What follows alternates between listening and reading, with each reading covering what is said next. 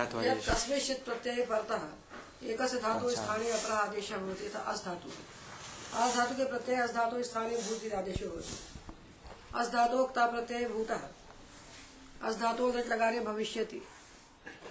चक्ष धातु क्षाय आदेश होती भ्रू धातु स्थानीय वच आदेश होती तो ब्रुवो वची चक्षिण क्षाय अस्तेर भू अजेर व्यघय पू अथ च आदेश उपदेशे शिति जो आकारांत धातु एजंत धातु है उनको आ हो जाता है। ऐसा हम चाहते हैं कि किसी का समय न जाए एक कक्षा वहाँ चला दी जाए। तो क्या बता रहे थे? बता रहे थे कि प्रत्यय परतः अंग कार्यात् पूर्वम पंच कार्याणाम विचार आवश्यक।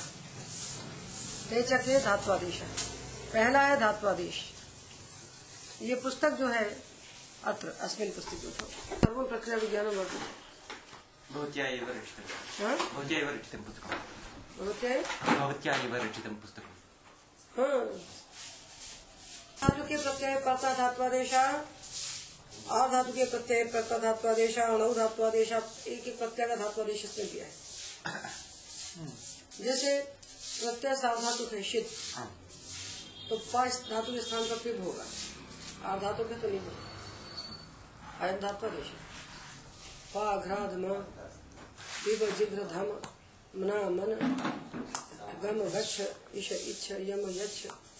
एते धात्वादेशा भवन्ति साधातुके प्रत्यये कर्ता किन्तु ध्यायी धातु स्थाने ध्या भवति आधातुके प्रत्यये कर्ता तो ये साधातुके धात्वादेशा अथ च आधातुके धात्वादेशा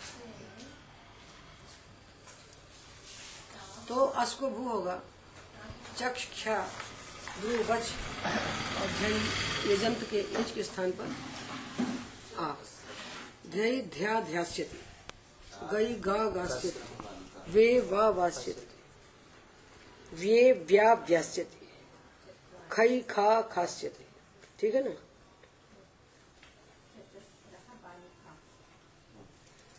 तो एक तो ये बात हुई धात्वादेश। दूसरा है प्रत्ययादेश। एक प्रत्यय तो वास्तव में मूल है तिप्तस जी तिप्तस्था में बस बस। क्या देख रहे हो? धातु को ही आदेश होता है। कदा? कदा भवति तीतः क्ता? ति- अच्छा तकारादौ किति प्रत्यय। तकारादौ किति पते इति प्रत्यय तकारादय किता के सन्ति क्ता क्तवत् उक्त्वा हाँ। हिता हितवान हित्वा अग्रे धातुं धातव्यं धाता भास्यति हा, तथा हा किमर्थं न तर्हि पिहितवान् हाँ।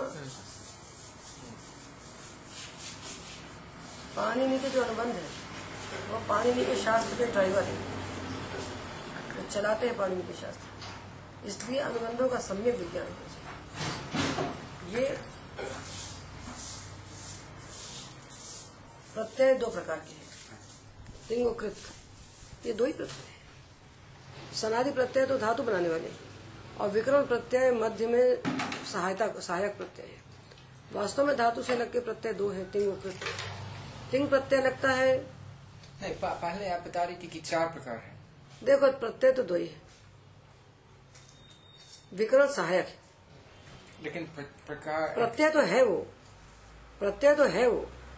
किंतु वो कोई शब्द बनाने का सामर्थ्य उसमें नहीं है। कोई शब्द आपको बना के नहीं देता। वो आपके शब्द बनाने में सहायता करता है। आप छतरी लगाते हो तो बीच में बैठ जाता है आके शब्द। विकरण हमेशा बीच में बैठ करके आपके शब्द बनाने में सहायता करता है। वो सहायक प्रत्यय है सपोजन है। और सनादि जो है, धातु बना के देते हैं प्रत्यय संज्ञा उनकी है, किंतु प्रत्यय संज्ञा होने के बाद भी वो स्वातंत्र प्रत्यय नहीं है। मतलब स्वातंत्र धातु से विहित प्रत्यय, खाली आप सन लगा के कुछ बना लो ऐसा। ठीक है ना? वो धातु बनाते हैं। है तो चार। सनादि विकरण, कृत और तिंग। चार है। सनादि प्रत्यय लगा के क्या बनता है? धातु बनता है। और विकरण लगा के क्या बनता है? कुछ नहीं बनता। विकरण लगा के आपकी प्रक्रिया में सहायता मिलती है। कहा क्या लगाना जिससे शब्द शुद्ध बन जाए। और तिंग लगा के पद बनता है। तिंगम पद और कृत लगा के प्रातिपदिक बनता है। तो तद्धित समासाश्च उसमें फिर सुप लगाओगे तो पद बनेगा। इतना तो ठीक है। इतना तो अब क्या करोगे? अब ये प्रत्यय जो तिंग है, ये दो प्रकार के हैं। साधातु को राधातु और कृत प्रत्यय भी दो प्रकार के हैं साधातु को राधातु इसके पहले पेज में इसको लिख लेना। First page. ये दिया है। पकड़ो। धातु से लगने वाले प्रत्यय दो प्रकार के हैं, तिंग और कृत। टेबल बना है इसको दिया। और उसमें तिंग और कृत। तिंग दो प्रकार के हैं, सार धातु और अर्ध धातु। और कृत भी दो प्रकार के हैं, सार धातु और अर्ध धातु। कौन से तिंग सार धातु के लट लोट लंग विधिलिंग स्थान पर होने वाले तिंग सार धातु। और अन्य हाँ लकारेशु ये तिंगा संतित आर्ध धातु से। उसका नाम तिंग धातु हो। ठीक है? कृत प्रत्यय भी दो प्रकार के हैं सार धातु अर्थ। कौन से कृत सार धातु है? जो शित है। क्षत्रिय शानच। चानस शानम। खश शाह ए श्रद्धे श्रद्धेन पुस्तकें हमारी हैं तुम्हारे पास क्या? नहीं है? नहीं नहीं। बिना पुस्तक के कैसे बता दिया अस्ति कहाँ से पढ़ गया? वो मैंने खरीदा कहाँ से? संत भारती बुक स्टोर में दिल्ली से? बेंगलुरु से? बेंगलुरु से। हाँ इनके पास पुस्तक ठीक है। वो एक ही पुस्तक है। और सहज बोध आपके पास होना चाहिए हिंदी तो आप समझते हो। मैं उसको फ़ोन कर देती हूँ भेज देगा सहज बोध कुछ अपने पास जो सहज बोध होगा तरी चतुर्णाम लकाराणाम ये प्रत्यया ते साधातु तिंग षणाम लकाराणाम ये प्रत्यया ते आधातु तिंग कृत प्रत्ययानाम मध्य ये शिता ते साधातुक कृत ये अशित, ते आर्धातुक कृत इतनी बात समझाने में उस लड़की को बीस दिन लग गया नहीं समझी। तो ये बन गया। इधानी ये साधा तो प्रत्याह संति ते पुनर्विधा पिता। अपितश्च के प्रत्याह पिता? चतुर्णाम लकाराणाम मध्ये। लट लकारे ये संति तीसीनी। लंग लकारे तास अम। लोट लकारे तू। आनी आव आम आई आवहि आमहि एतत् जानाति भवान् हाँ। एते त्रयोदश प्रत्ययाः। त्रयोदश प्रत्ययाः सन्ति अथ च विकरणानां मध्ये एकः शप्। हाँ बेटा। क्योंकि तर्हि प्रत्ययः कति विधाः? पित् सार्धातुक प्रत्ययः अपि सार्धातुक प्रत्ययः आधातुक प्रत्ययाः सन्ति ते पुनर्विधाः एकस्मिन् वर्गे कितकित प्रत्ययः अन्यस्मिन् वर्गे अकित प्रत्यय ठीक है ना? चार पाणिनि की शैली देखिए आप बस। ये निद अपि अस्ति खलु। हाँ? कित गित ये निद कित गित ये निद बिन। अरे ये गणेश को भी छोड़ो उसको बाद में लगा देंगे। वो भी तो अकित ही है। अच्छा। अकित ही तो है ना। वो उसी का वर्ग है। वो अकित का ही वर्ग है। इसलिए पहले दो ही चलिए। ये धातु प्रत्यय। धातु रहता ये प्रत्यय सन्ति ये विधा भवन्ति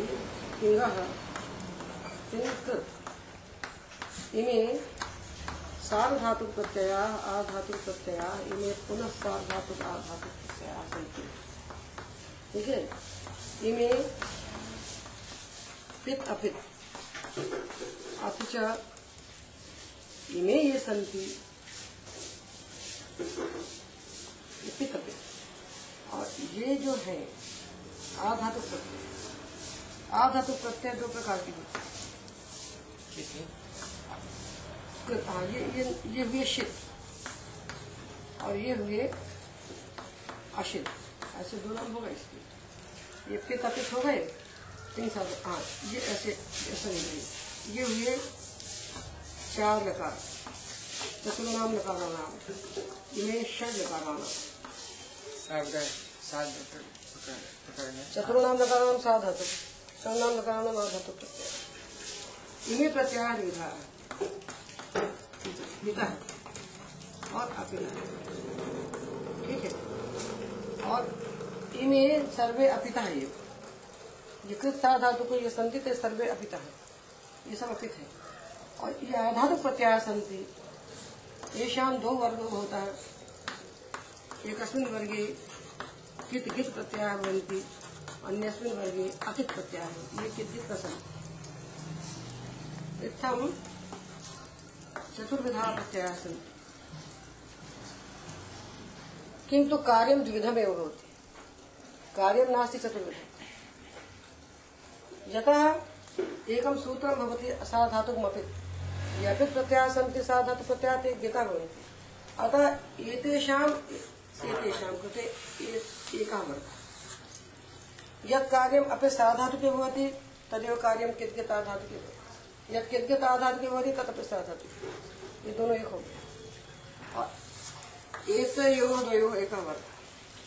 कार्यम् अकित् आ- आधातुके भवति तदेव कार्यं किति साधातुके भवति। इसलिए साधातु इज़ इक्वल टू अकित धातु। अपित इज़ इक्वल टू कित धातु। तो दो प्रकार के काम चलेंगे। सामान्य में। किंतु विशेषण यदा उच्यते साधातुके अथवा आधातुके तत्कार्यं साधातुके एव भवति आधातुके एव किन्तु सामान्येन यदा किङिति इति उच्यते। यस्मिन् सूत्रे किङिति इति उच्यते तत्कार्यम् अत्र भवति अत्रापि। गुणनिषेधः। कोई भी हो गुणशता क्यों? बहूनि कार्याणि सन्ति किं यदि च? बहूनि कार्याणि सन्ति एकमेव अस्ति किम्? अनुनासिकस्य केजलो किङ्गिति अन्तामनुदायाः किङ्गिति अन्दात्तोपदेशगणितो इत्यादीनाम् अनुनासिक लोगो झलि किङ्गिति। यद्यपि किङ्गिति इति उच्यते किङ्गिति इति उच्यते यत्र तत्कार्यम् अत्र भवति। अत्र भवति समझ गए हाँ क्वचित् वच्यादीनां किति भवति गृह्यादीनां किति गिति भवति। यत्किमपि कार्यं किति गिति उच्यते अयं गित् अस्ति अयं कित् नास्ति ये समझना अयं गित् न तु कित्। यत् कार्यं केवलं किति उच्यते तत् कार्यम् अत्र न भवति यत् गिति उच्यते तदत्र किति इति उक्त्वा तु एकमेव कार्यमस्ति. वचस्वपि जजादीनां किति. अन्य सर्वं किङ्गिति किङ्गिति किङ्गिति एव एतदस्ति स्वरूपं प्रत्यानं एतत् विभाजनं कृत्वा अनन्तरम् अङ्गकार्याणि उच्यन्ते. किन्तु अङ्गकार्याणां ज्ञानं भवेत्। ततः प्राक् चतुर्णां कार्याणां विज्ञानं भवेत्। प्रथमः अस्ति धात्वादेशः। एतानि पञ्च उपाङ्गानि सन्ति। पञ्चोपाङ्गानि। एषा मदीया संज्ञा। अच्छा। जी। पञ्चोपाङ्गानि। धात्वादेशः। अनन्तरं प्रत्ययादेशः। अनन्तरम् अतिदेशः। अतिदेशः इडागम। इडागमानन्तरम् अतिदेशः। अतिदेशः। अथ च अभ्यासकार्यम्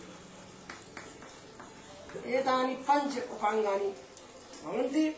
एतेषाम् आदौ विज्ञानं भवेत्, ततः अङ्गकार्ये यदि एतेषां विज्ञानं न भवति, तदा अङ्गकार्ये कार्यं क्रियते चेत् अशुद्धमेव भविष्यति।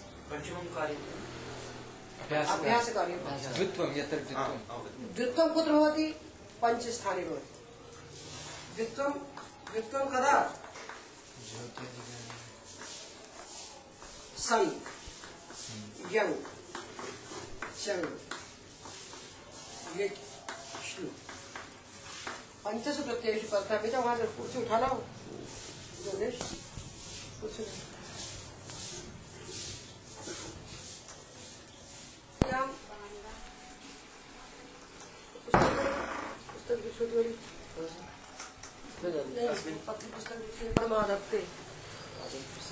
आचार्य पादमादत्ते पादम शिष्य स्वमेधय पादम सब ब्रह्मचारिभ्य पादम कालक्रमेण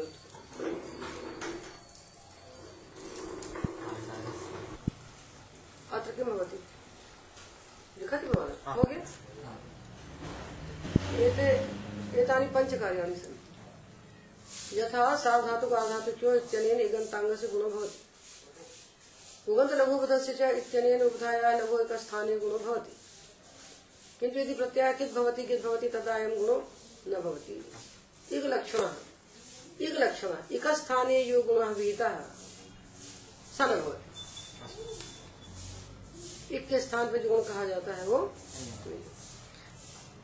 गुणः सर्वः सर्वदा एकस्थाने एव भवति खलु गुणादेशः न वा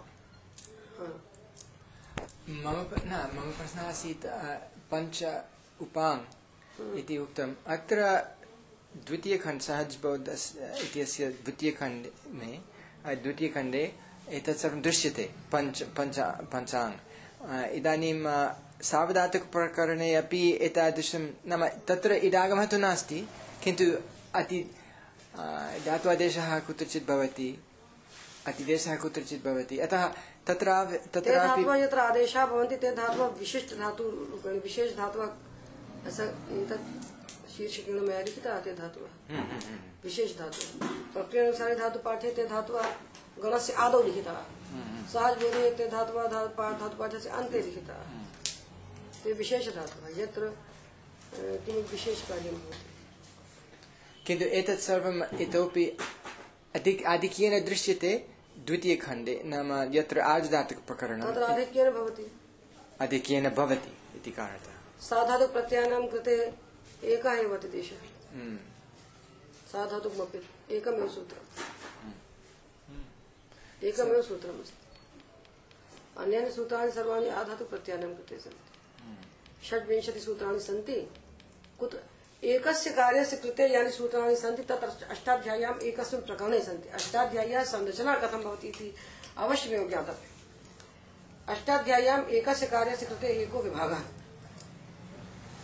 यथा हॉस्पिटल मध्ये भवति चिकित्सालये।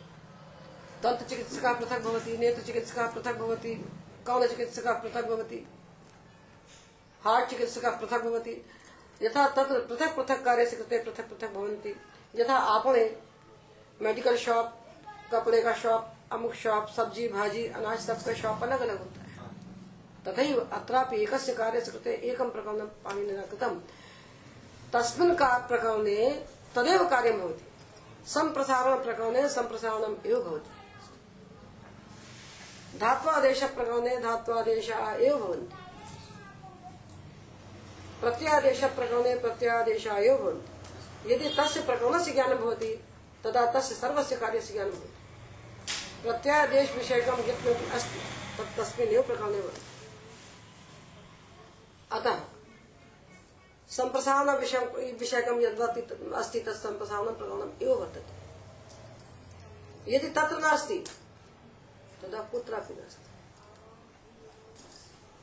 अतः अत्र संशयो नास्ति। सिद्धांत कौमुद्यां तु संशयः वर्तते एव। यतः तानि सर्वाणि सूत्राणि इतस्ततः विकीर्णानि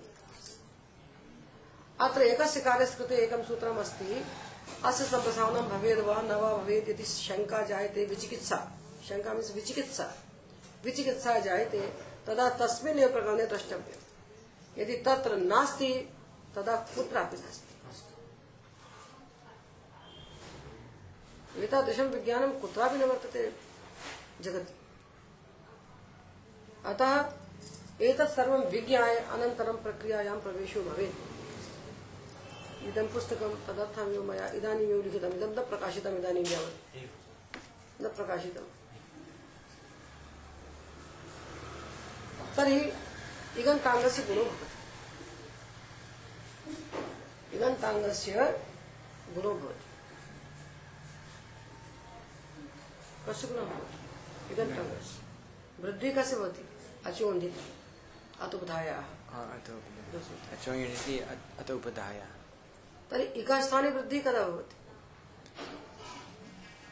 तत्रैव तत् यत् अचोयणिति इत्यनेन तत्र भवति इकः वृद्धिः कदा भवति यदा यदा एक अन्ते अस्ति तदा बुद्धिः भवति एक अन्ते भवति तदा तु अचोन्निति इत्यनेन वृद्धिः तदा अच इति उच्चारे वृद्धिर्भवति आम् अष्टाध्यायी लेके रखो भैया तदा अच इति शब्देन वृद्धि उच्यते कहाँ आता है? इकः एकं सूत्रं वर्तते परिभाषा सूत्र सूत्र से अर्थ कथम कस्यचित् सूत्र से अर्थ कथम क्रियेत। कैसे करोगे सूत्र का अर्थ? अनुवृत्तिं दृष्ट्वा। अनुवृत्ति अधिकार परिभाषा। हम्म, परिभाषा अथ च क्रिया अध्याहार क्रियाद्याः क्रियाया कल्पना क्रियते। क्रिया तो नास्ति सूत्रेषु। कस्मिन् सूत्रे क्रिया नास्ति अस्ति भवति सूत्रं न क्रियापदं नास्ति। क्रियापदं कस्मिन् सूत्रे तस्य अध्याहारः अध्याहारः कल्पनम्। अनुवृत्तिः अधिकारः क्रियाध्याहारः अथ च परिभाषा सूत्रम् यथा पुगन्तलघुपथस्य च। च अस्य अर्थः कथं करणीयः उपरि सूत्रं वर्तते मृदेर्गुणः यथा गुणः इति अनुवर्तते इति अनुवर्तते अङ्गस्य इति अधिकारः षष्ठाध्याये चतुर्थे पादे प्रथमं सूत्रं वर्तते अङ्गस्य तथा अङ्गाधिकारः चलति अयम् अङ्गाधिकारः आसप्तमाध्यायं सप्तमाध्यायस्य चतुर्थपादपर्यन्तं भवति। षष्ठाध्यायस्य चतुर्थः सप्तमाध्यायः सकलः। इति पञ्चसु पादेषु अङ्गाधिकारः भवति। तर्हि पुगन्तलघुपथस्य चेति सप्तमाध्यायस्य तृतीये पादे वर्तते, अतः अङ्गाधिकारः अत्र भवति। तर्हि अङ्गस्य इति अधिकारः गुणः इति अनुवृत्तिः। भवति इति क्रियाध्यायः चतुर्थः कः? परिभाषा।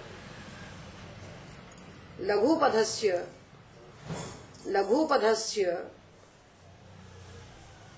अंगस्य गुणो भवति। ये तो बन गया। लघुपधस्य अंगस्य गुणो भवति। यथा बुध कुप गुणो भवति। तर्हि कस्य स्थाने गुणो भवति? कस्य स्थाने? ककारस्य कस कथं ज्ञायते? उपधाया इति उच्यते। तर्हि उपधाया इकस्थाने इको गुणवृद्धि इति परिभाषा सूत्रं वर्तते तथा इका इति पदम् आगच्छति। यत्र न उच्यते तत्र एकः आगच्छति यत्र उच्यते किमपि नागच्छति यथा अचो नीति तत्र अचा इति उच्य- यत्र स्थानी नोच्यते स्थानी नोच्यते तत्र आगच्छति। आद्गुणः इत्यत्र स्थानी उच्यते पूर्वपर्यो स्थाने गुणो भवति तत्र एकः नागच्छति अचोनिति इत्यत्र अच इति उच्यते अच एव स्थाने अस्माभिः अतः तत्र नागच्छति। यत्र स्थानिनम् अनुच्चार्य गुणो विधीयते वृद्धिर्विधीयते तत्र इका इति षष्ठ्यन्तं पदम् आगच्छति। अतः इकः तत् परिभाषासूत्रात् तर्हि इकः अङ्गस्य भवति। परिभाषासूत्रं तस्य किम्? इको गुणवृद्धि। इको गुणवृद्धि उसको रख लो तुम नीचे बैठने के लिए। तो अब पुगंत लघु का अर्थ क्या बना? पुगंतस्य लघु पदांगावयवस्य लघु पद ये अंग का विशेषण बन गया लघु पदांगावयवस्य इक स्थाने अब इका भवति, तर्हि इका इत्युक्ते, इका किम्? इक स्थाने षष्ठी स्थाने योगा इति द्वितीयं परिभाषासूत्रम् यत् षष्ठी भवति तत्र स्थाने इति पदम् आगच्छति इका मीन्स् इक स्थाने लघु पदाङ्गावयवस्य इक स्थाने गुणो भवति। कदा भवति? सार्धातुक आधातुकयो इति अनुवृत्तिः गुणः इति अनुवर्तते सार्धातुक आधातुकयो इति अनुवर्तते तदा अर्थः भवति सूत्रस्य पुगन्तस्य लघु पदाङ्गावयवस्य इकः स्थाने गुणो भवति सार्धातुक आधातुकयो बन गया इकः इति परिभाषातः लब, लब्धः। स्थाने इति षष्ठी स्थाने योगा परिभाषातः लब्धः। गुणः इति अनुवृत्त्या। साधातुक आधातुकयो इति अनुवृत्त्या। षष्ठी स्थाने योग इति योगा। योगा इति अ, पाणिनीयसूत्रं हाँ परिभाषा सूत्रम षष्ठी स्थाने योगा इको परिभाषा सूत्रम आदौ इका इति आगच्छति। इका इति तर्हि षष्ठा स्थाने योगा तो बन गया पूरा सूत्र का इसलिए अष्टाध्यायी पाठेन वृत्ते समस्या न वर्तते। सिद्धांत कमुद्याम तो रचना एवं शरणम। उसमें रचना ही पड़ता है। अष्टाध्यायी में हमको सूत्र दिख रहा है। तो हम स्वयं वृत्ति बना लेते हैं। वहाँ संदेह नहीं होता। ठीक है ना? तो क्रियाध्याहारः। क्रियाध्याहारः। स- सामान्यतया तु भवति इति यत्र कापि क्रिया नास्ति तत्र भवति अस्ति करोति इति प्रयुक्तव्यम्। यत्र कापि क्रिया नास्ति कोई क्रिया नहीं भवती करोती। का आवश्यकता अनुसार प्रयोग कर सकते हैं। यत्र कापि क्रिया नास्ति तत्र कृत भस्त्वयो प्रयोगतव्या ये लिखवा लेना दुर्गेश हम लिख देंगे। यत्र कापि क्रिया नास्ति तत्र क्री भू अस्तया प्रयोगतव्या जहाँ कोई क्रिया नहीं है, वहाँ क्री भू अस्त का प्रयोग कर लेना चाहिए। ठीक है? दुर्गेश स्थानीय नोच्यते, गुण इति उच्यते। स्थानीय नोच्यते, वृद्धि इति उच्यते। तर्हि कदा वृद्धिर्भवति स्थानीय नोच्यते। कदा ते स्थानीय अत विधाया इति अत स्थानीय क्योंकि मृजेर वृद्धि अत्र स्थानीय नास्ति। मृजेर वृद्धि अत्र स्थानीय नास्ति।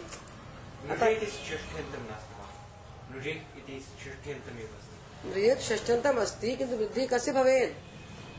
यत्र वृद्धि इति उच्यते स्थानीय नोच्यते तदा इकः। मृज मृज में तीन अक्षर हैं। तर्हि मृजे कस्य स्थाने वृद्धि? तर्हि इका- ऋकारस्य स्थाने वृद्धि। उपधायाः मृजे इकः। मृजे इकः। कस्य वृद्धि। सप्तमाध्याये। इति सप्तमाध्याये द्वितीये पादे। द्वितीय पादे। इनका अभ्यास पाठ करते हो उसका मतलब। मृजे वृद्धि इति उच्यते। उपरिष्टात् किमपि न उच्यते। तर्हि कस्य वृद्धिर्भवेत् एकः इक।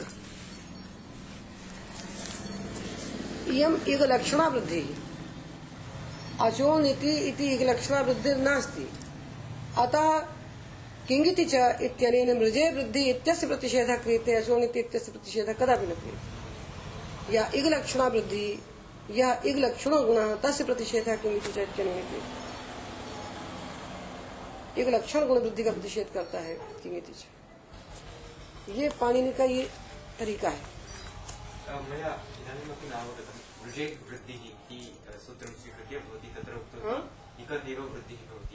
वृद्धिः उच्यते।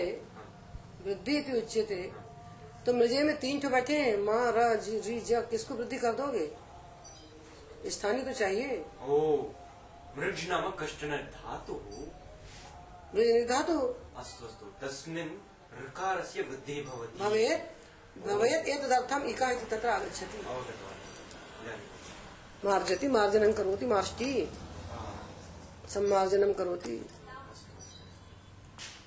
हो गया? तो सूत्रस्य वृत्ति कथम भवति? तत्र अधिकारः, अनुवृत्तिः परिभाषा भवति चेत कभी परिभाषा नहीं भी होगी। किंतु यदि अपेक्षिता तदा परिभाषा अथ च क्रियाध्याहार। क्रियाध्याहारस्तु करणीय है एव। प्रत्येकम सूत्रे क्रिया का अध्याय नहीं करोगे तो वाक्य कैसे बनेगा? क्रिया बिना वाक्य में होती, अतः क्रियाध्याहार। ठीक है? तो स्वयं वृत्ति बनाइए और किसी की प्रतीक्षा मत कीजिए। वृत्ति याद नहीं करना जो अष्टाध्यायी पाठ करते हैं, उनकी वृत्ति अपने आप बन जाती है। अब हमारे पास चार प्रकार। अब ये है, धात्वादेश कुत्र भवती द्वितीयाध्याय से चतुर्थे पादे, षष्ठाध्याय से प्रथमे पादे। धात्वादेश। प्रत्ययादेश कुत्र सन्ति सप्तमाध्याय से प्रथमे पादे युगोर नागौ इत्यतः आरभ्य स्नात्व्यादयश्च। एकोन पंचाशत सूत्राणि सन्ति। प्रत्ययादेशाः भवन्ति तत्र। प्रत्ययादेशा द्विविधा। लादेशाः लकाराणां स्थाने ये आदेशाः। अथ झोन्तः एक आदेश झोंता है। झोंता सप्तमाध्याय लिखितः। अन्य लकारादेशाः तृतीयाध्याये लिखितः लस् इति अधिकारे। अत्र को हेतु? अत्र को हेतु? पाणिनि बिल्कुल सूक्ष्मेक्षिका है पाणिनि। अहो सूक्ष्मेक्षिका भाष्यकार बार बार कहते हैं, अहो सूक्ष्मेक्षिका आचार्य। भाष्यकार मुग्ध हो जाते हैं बहुत अहो सूक्ष्मेक्षिका आचार्य। तो प्रत्ययादेश तो झोंता भी है। अट्युतात्मने पदा नाम तेरे था सस्य ये भी प्रत्ययादेश है। और झोंता है प्रत्यादेश तो झकार से स्थाने अंत आदेश सप्तमाध्याय क्रियते। अथ च स्थाने एत्वम तृतीयाध्याय चतुर्थे पादे तृतीयाध्याय चतुर्थे पादे सूत्रम वर्तते। लस्य अष्टाध्यायी उद्घाट्य तुमको याद है अष्टाध्यायी क्या? न तो सामने रखो। सङ्गणके प्रत्ययदेशः हाँ। सप्तमोध्याये अभी क्यों यहाँ किया है। अथ झोंता सूत्र सूत्रम क्रियते। अन्य आदेशाः तत्र क्रियन्ते। लकाराणां स्थाने तिङ् आदेशाः। भवन्ति तिङ्गः तिङ् प्रत्ययानां स्थाने पुनः आदेशाः भवन्ति। एतत् सर्वं कार्यं तृतीयाध्याये चतुर्थे पादे लस्य इत्यधिकृतिकृत दिखाते अदुमुकुलकुलके अयम् अधिकारः वर्तते। लस्य। लस्य। ठीक है ना? लाधिकारः किन्तु झ प्रत्यय अपि तिङ् अस्ति तस्य स्थाने आदेशः तत्रैव किमर्थं न क्रियते? क्यों नहीं करते? इसलिए नहीं करते कि अयम आदेश अंगम अपेक्षते। अंगम अपेक्ष होती। यदा अंगम आत्मने पदे यदा अंगम अदंतम भवति तदा झोंता भवति। अंगम अदंतम न भवति तदा आत्मने पदे श्वनता इति अत भवति। ते इते अन्ते ते आते अते। अत्र अते इति प्रत्ययसंज्ञकः संज्ञकः नास्ति खलु? अते इति आदेशः? स्थानवदादेशो प्रत्ययादेशः प्रत्ययवत् भवति। धात्वादेशः धातुवत् भवति तिङ्गादेशः तिङ्वत् भवति कृदादेशः कृतवत् भवति अव्ययादेशः अव्ययवत् भवति यस्य स्थाने यो आदेशः भवति स भवति तत् तदेव भवति। भवती प्रातः आगमानां विषये उक्तवती खलु? आगमाः प्रत्ययाः न भवन्ति किन्तु यस्मिन् यदि प्रत्यय संयुज्यन्ते तदा प्रत्ययाः भवन्ति। यदि धातुषु संयुज्यन्ते यथा इति तो नुम् धातोः इति नुमागमः भवति वदि धातोः। तर्हि वंद। अयं नकारः कः भवति अयं नकारः धातोः अवयवः। यदि धातुषु भवन्ति तदा धातुसंज्ञकाः प्रत्यय प्रत्ययेषु भवन्ति तदा प्रत्यय प्रत्ययसंज्ञकाः। यत्र संयुज्यन्ते यत्र भवन्ति यस्य भवन्ति आगमाः तस्य अव्यवाः भवन्ति। ठीक है? तर्हि अत्र किं भवति? अत्र भवति- अत्र झ- झकारस्य स्थाने अन्त आदेशः तत्र किमर्थं न लिखितः? यथा झकारस्य स्थाने अन्त आदेशः सर्वदा न भवति। यदा अङ्गमदन्तं भवति तदा अन्त आदेशः भवति आत्मनेपदे। किन्तु आत्मनेपदे यदा अङ्गमदन्तं न भवति तदा आत्मनेपदेश्वरतः ततः उपरि सूत्रं वर्तते। अदभ्यस्तात् आत्मनेपदेश्वरतः। अस्ति? अदभ्यस्य अदभ्यस्य। तत्र पश्यतु। तो क्या होता है? बोलो। अदभ्यस्तात्। देखो झकार से स्थाने आदेशा भवन्ति एका अत्, एका अन्त कदा अत् भवति? यदि अंगम अभ्यस्तम भवति, तदा झकारस्य स्थाने अत्। आत्मने पदेषु, यदि अङ्गम् अदन्तं भवति, अनदन्तं भवति, आत्मने पदेषु यदा अङ्गम् अनदन्तं भवति, तदा झकारस्य स्थाने अद् भवति। यदा अङ्गम् अदन्तं भवति, तदा झोन्ता इति अन्तादेशः। अतः इदं सूत्रं यदि तत्र क्रियते, तदा सर्वदा अन्तेव आदेशः स्यात्, अदादेशः कथं स्यात्? अतः अङ्गानुसारेण इमे आदेशाः भवन्ति। क्वचित् अत्, क्वचित् अन्त्। अतः इदं सूत्रं यद्यपि आदेशं करोति, तथापि इदं सूत्रं लस् इति अधिकारे न कृतम्। अङ्गाधिकारे कृतम्। अवगतम्? अतः लादेशाः तत्रापि सन्ति, अत्रापि सन्ति। अथ च। लाधिकारे केवलं लकारस्य स्थाने तिङादेशाः, अथ च तिङां स्थाने आदेशाः सन्ति। अन्येषां प्रत्ययानां स्थाने आदेशाः तत्र न सन्ति। किन्तु अयं प्रत्ययादेशाधिकारः यः वर्तते, इदं प्रत्यादि प्रत्यादेश प्रकरणं यद् वर्तते, अस्मिन् प्रकरणे सर्वेषां प्रत्ययानां स्थाने आदेशाः सन्ति। प्रत्ययाः कति विधाः भवन्ति? प्रत्ययाः कति विधाः भवन्ति? धातो विहिता द्विविधा तिङ्गः कृतः। प्रातिपदिकेभ्यो विहिता त्रिविधा। सुपः, तद्धिता, अथ च स्त्री प्रत्ययाः स्त्री प्रत्ययानां स्थाने अत्र आदेशाः न सन्ति। तिङ् प्रत्ययानां सुप्रत्ययानां स्थाने अत्र आदेशाः सन्ति, देखो। गेर् यः सर्वनाम्ना स्मै गसिगो, स्मात्, स्मिनौ। तद्धित प्रत्ययानां स्थाने आयिने, यीनि, यः प्रत्ययादीनां। सर्वेषां प्रत्ययानां स्थाने। ये आदेशा भवन्ति, तेषां कृते इदं प्रकरणं वर्तते। अतः अस्य प्रकरणस्य नाम किं प्रत्ययादेश प्रकरणम् किन्तु लाधिकारे केवलं लकाराणां स्थाने आदेशाः सन्ति। ते आदेशा अङ्गं नापेक्षन्ते। अङ्गम् अनपेक्ष भवन्ति ते आदेशाः। चित् आत्मनेपदानां तेरे लकारः चित् भवति तदा ते स्थाने एकारः आदेशः भवति। अङ्गम् अदन्तं भवतु अनदन्तं वा भवतु तेन नास्ति किमपि प्रयोजनं तस्य। अतः ये आदेशाः अङ्गम् अनपेक्ष भवन्ति लादेशाः ते लाधिकारे ये अंगानुसारेण भवन्ति ते अस्मिन् प्रत्यादेश प्रकरणे ठीक है? इसलिए प्रत्यादेश कृते कुत्र कुत्र द्रष्टव्यम तत्र अत्र। स्थानद्वयमेव अब पानी में दो सूत्र छोड़ दिए फिर भी। दो सूत्र और बच गए। वो पानी में क्यों छोड़ दिए? वो पानी में हम लोगों की परीक्षा करने के लिए छोड़ दिए होंगे। वो सूत्र है था से कहा और इस सुक्तांतात का सेवन थ्री फिफ्टी देखो। स्वस्याम अष्टाध्याय्याम। एक सूत्र, सूत्रद्वयम अत्रैव योजनीयम। ये हम कार्य अपने छात्रों को करवा देते हैं। दिखाओ। सुक्तांतात page one two five.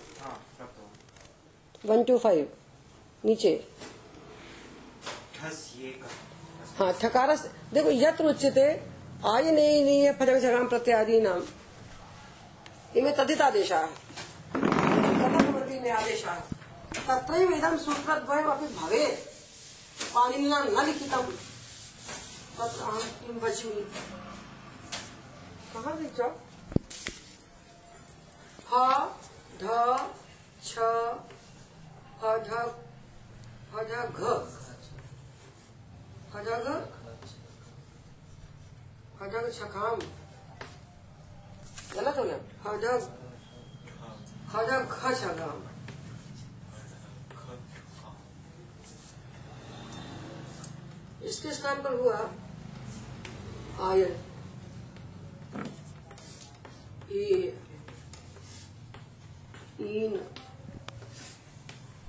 ई ई एते तदितादेश अत्रैव था अस्य स्थाने भवेत् क्यों नहीं कहा तो पानी में बता सकते हैं हम नहीं बता सकते पर हम इसलिए चाहते हैं कि यहीं पर इसी आपके अष्टाध्यायी में यहीं प्लस करके ये दो सूत्र लिख लीजिए आपकी जो अष्टाध्यायी होगी उसमें आप प्लस करके ये दो सूत्र यहीं लिखिए ताकि आपको पूरा प्रत्यादेश का विज्ञान हो जाए तस्य कः और इस सुक्तांतात का था के स्थान पर एक आदेश होता है किंतु इस सुक्तांतात का यदि अंग आपका है उसके अंत में इस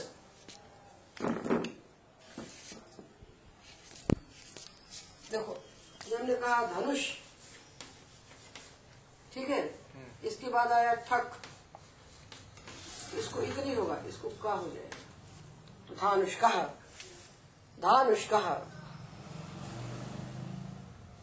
ठा के स्थान पर एक होता है किंतु यदि इस उस और उक अंत में है तो का आदेश हो एक सूत्र द्वयम अत्रैव भवेत। प्रत्यादेशे प्रत्यायादेशे। अगर अवश्य में भवे कोई कारण ही नहीं है इसको यहाँ नहीं रखना। इससे आपको पूरे प्रत्यादेश का विज्ञान हो गया। ये भी अंगम उद्देश्य भवती अंगम उगंतम चेत अंगस्य अन्ते इस भवेत, उस भवेत उक भवेत तदा का अतः अंगाधिकारे अस्य स्थिति अवश्यमेव भवेत किंतु तस्मिन् प्रकरणे भवेत्, यत् प्रत्यादेशः उच्य- उच्यन्ते तत्रैव एतत् सूत्रद्वयम् उच्यते किमर्थम पृथक प्रत्येतम लिखितम तत्र न किमपि न दृश्यते। क्यों किया होगा दुर्गेश? बताओ तो गलती तो है। आप वहाँ ऊपर बैठे हो इसका, नहीं, इसका क्या कारण है? क्योंकि आप लैपटॉप चला रहे हो। कारण है? तो सूत्र कहीं बैठा उससे पूछो तुम यहाँ क्यों बैठे तो सूत्र आपको उत्तर देगा। ऐसे जैसे सूत्र कहीं बैठा है। ये बैठा है अचोनित अचोनित ये यहाँ क्यों बैठा है? क्योंकि इसके ऊपर बैठा है वृद्धि। इसको इससे वृद्धि शब्द चाहिए। ऊपर के सूत्र से वो अनुवृत्ति लेता है और नीचे के सूत्र में अनुवृत्ति देता है। तो दोनों तरफ़ से फिक्स है वो। इसलिए उसको वही बैठना पड़ेगा।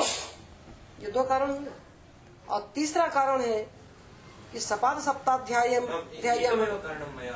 हा? अनुवृत्त्या कृते सूत्रस्य कस्मिंश्चित् स्थानीय स्थिति ही। हा। एकं कारणं ऊपर से अनुवृत्ति देगा और नीचे अनुवृत्ति देगा। जैसे ये आया यूनिटी ये यूनिटी की अनुवृत्ति जाएगी ये सूत्र है सात दो एक सौ बारह। और ये जाएगा सात तीन थर्टी वन तक। यूनिटी थर्टी थ्री सूत्रों में इसकी अनुवृत्ति जाएगी लगभग। दिखा? सात दो एक सौ पंद्रह। और पंद्रह, सोलह, सत्रह, अठारह। चार, और इकतीस। पैंतीस सूत्रों में इसकी अनुवृत्ति जाती है। तो यूनिटी को यहाँ बैठाया तो थर्टी फाइव पंचत्रिंशत सूत्रेशु इदम यूनिटी पदम अनुवर्तते। वृद्धि पदम अपि इतः आरभ्य एतत् पर्यन्तम अनुवर्तते। अतः एतत् सूत्रद्वयम अत्रैव भवेत्। इनको यहाँ ही होना चाहिए। इनको और कहीं नहीं होना चाहिए। किंतु पानी ने यहाँ भी एक काम कर सकते थे कि वो प्रकरण जहाँ बनाया है, इन्होंने तीसरा पाद शुरू किया है। तीसरे पाद को यहाँ से शुरू कर सकते थे पानी तो- तो पूरा वृद्धि पाद बन जाता? उसको भी क्यों उसके पीछे रखा है? देख लेना समझना तो वो भी अनुचित है। क्योंकि मृदय वृद्धि सूत्र यहाँ अनुवृत्ति दे रहा है, पर ऊपर से कुछ नहीं ले रहा है। इसलिए इसको हम खिसका सकते थे। अब क्या होता है कि ये दो सूत्र द्वितीय पाद के हैं और वो सूत्र तीसरे पाद में है तो पाद का उल्लंघन करके इनको अनुवृत्ति देना पड़ती है यदि इस पाद को यहाँ समाप्त कर देते एक सौ चौदह से शुरू कर देते एक सौ चौदह है एक सौ तेरह पाद समाप्त कर देते और यहाँ से नया पाद बना देते तो कितना बढ़िया बनता उसका हम वृद्धि पाद नाम रख देते पूरा बन जाता। तो ये सब समझ लीजिए।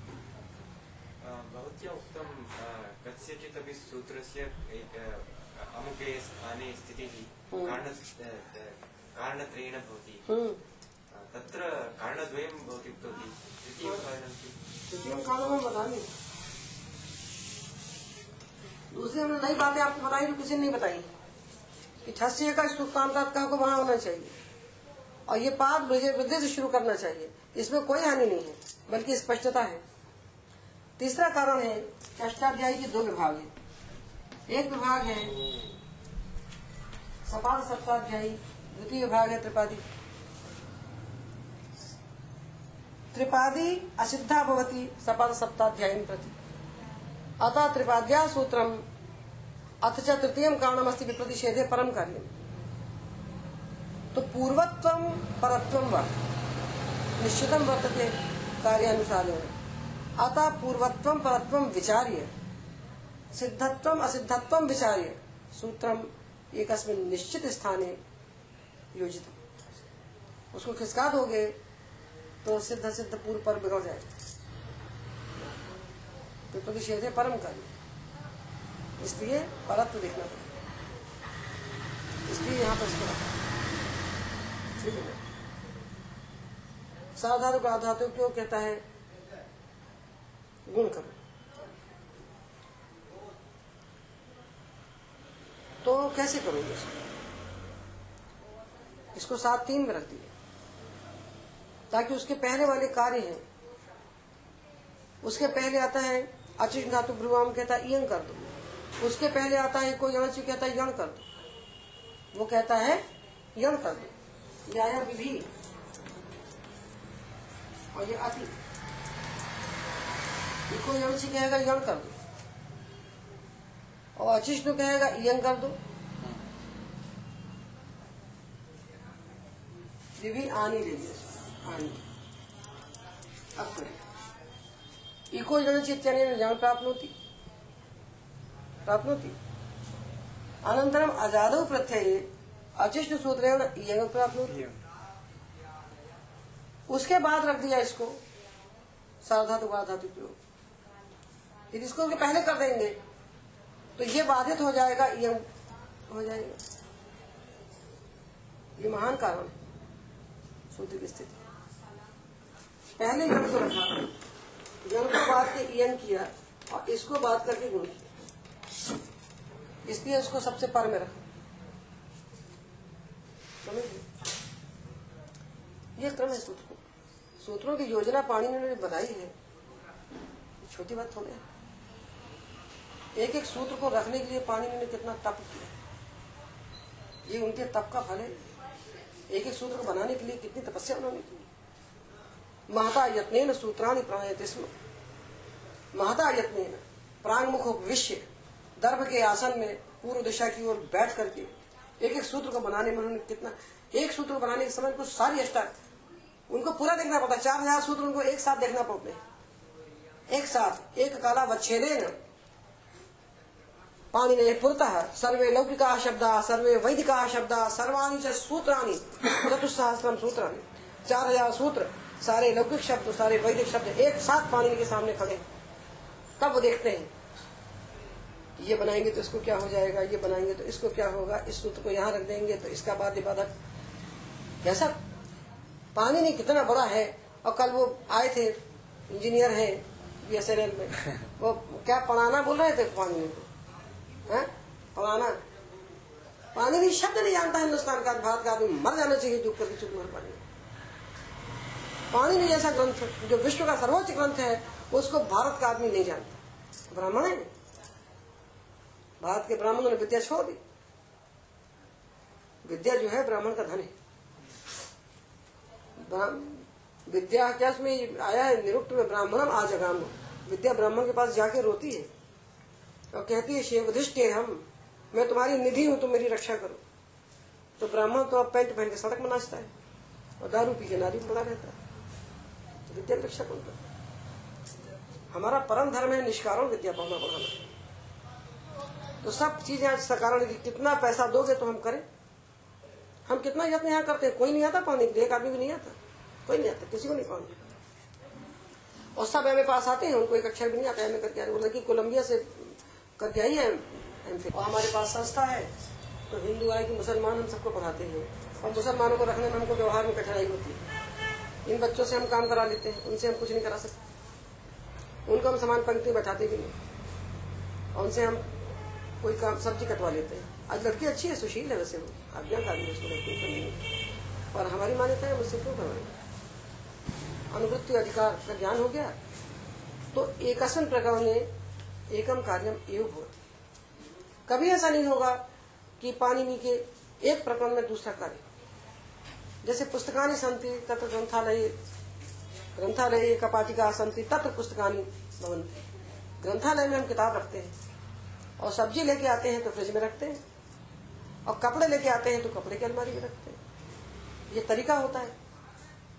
और भोजन की सामग्री स्टोर रूम में रखते हैं। तो तुम्हारी माता ने पूछा कि मैं कुछ काम करूँ रसोई में? हमने कहा हमको ज़्यादा मेहनत लगी क्योंकि सब चीज़ बताना पड़ेगी कहाँ क्या रखी वो बोली हम काम करते हैं। हमने कहा आप काम कर लोगी किंतु हम जीरा पूछोगी मेथी पूछोगी नमक पूछोगी हम कहाँ तक बताएँगे? और हम तुरंत कर लेंगे।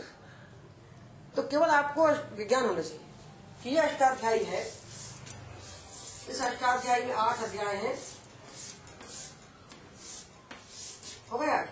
एक दो तीन चार पाँच छह और इनमें चार पाद है। इनमें कहा क्या रखा है आपको मालूम हो जाए? बस, पूरे अष्टाध्याय कंठ में एक साथ होना ज़रूरी थोड़े है। कहा क्या होता है आपको पता हो जाए? बस, अपने आप काम होगा। संप्रसारण कहाँ होता है तो छह एक में होता है। आत्म कहाँ होता है? छह एक में होता है। द्वित्व कहाँ होता है? छह एक में होता है। अभ्यास कार्य सात चार में होता है। धात्वादेश दो चार में होता है। प्रत्यादेश सात एक में होता है। बस ये मालूम हो गया, प्रकरणों का विज्ञान। तो हम अष्टाध्यायी का वही भाग खोलेंगे। सारी अष्टाध्यायी हर एक प्रयोग में थोड़े लगती है। और प्रत्यय कहाँ लगाए जाते हैं? तीन, चार, पाँच में। तृतीय तृतीयाध्याय धातो प्रत्यय भवंती चतुर्थेध्याय प्रातिपदिकात भवंती प्रत्यय पंचमाध्याय प्रातिपदिकात प्रत्यय भवंती। अतः त्रयाध्याया ये सन्ति, त्रयोध्याया प्रत्ययाध्याया इति उच्यन्ते। अष्टाध्याय्या, तृतीय, चतुर्थ, पंचम। ये अध्याया सन्ति इमे त्रयोध्याया प्रत्ययाध्याय। अत्र केवलम प्रत्यय से विधानम भवति। केवल प्रत्यय का विधान होगा जैसे उसके कहा तो ये धातु से आगे अनुगत अग्रे किम करणीयम? एक दर्थे अस्माभि अग्रे गंतव्य आगे क्या करना है तो आप आगे जाओ। जैसे हॉस्पिटल में जाते हो तो एक काउंटर होता है, वहाँ आपका नाम पूछते हैं और चिट बना देते हैं। चिट का वो इलाज थोड़े करता है। वो आगे भेजता है। फिर वो आपको आगे भेजता है कि वहाँ एक्सरे होता है, वहाँ पैथोलॉजिकल टेस्ट होता है। मरीज़ सारे कक्षों में घूमता है। अंत में जाके निर्णय होता है। इसी प्रकार तृतीय अध्याय धातु प्रत्यया भवन्ति प्रत्यया एव भवन्ति अन्य कार्य तृतीय अध्याय न होती अग्रे इत संज्ञा करनी है तरी प्रथमाध्याय से तृतीय पादे गंतव्य तत्र इस संज्ञा प्रकरण वर्तते। इत संज्ञा अनकार से नकार से कुत्र भवति, प्रथमाध्याय से तृतीय पादे यत्र इत संज्ञा प्रकरण वर्तते। किंतु अयम भू इति शिष्यते, अस्य स्थाने आदेशः भवति अक्।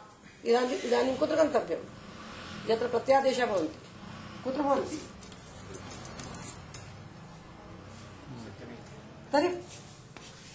प्रत्ययः भवति तृतीयाध्याये। इत संज्ञा भवति प्रथमाध्याय से तृतीय पादे। वो इत्यस्य स्थाने आदेश भवति सप्तमाध्याय प्रथम पादे यदि विज्ञान है तो कोई कठिनाई नहीं। जिसको विज्ञान होता है, हम कल इनको बता रहे थे कि सुनीता विलियम्स को विज्ञान था तो वो अंतरिक्ष में रह के आ गई, साढ़े छह महीने, जहाँ वायु नहीं है और जहाँ खड़े होने के लिए ज़मीन नहीं है, और श्वास लेने के लिए वायु नहीं है, वहाँ रह के साढ़े छह महीने आ गई क्योंकि उसको विज्ञान है। और हम लोग जाएँगे तो मर जाएँगे। तो अष्टाध्याय में कुछ कठिनाई नहीं है। यह है इसको समझ लो। कि धातो प्रत्याय भवती तृतीयाध्याय अनुबंधा नाम संज्ञा भवती प्रथमाध्याय प्रत्यक्ष स्थाने आदेशा भवती सप्तमाध्याय। तो बन गया?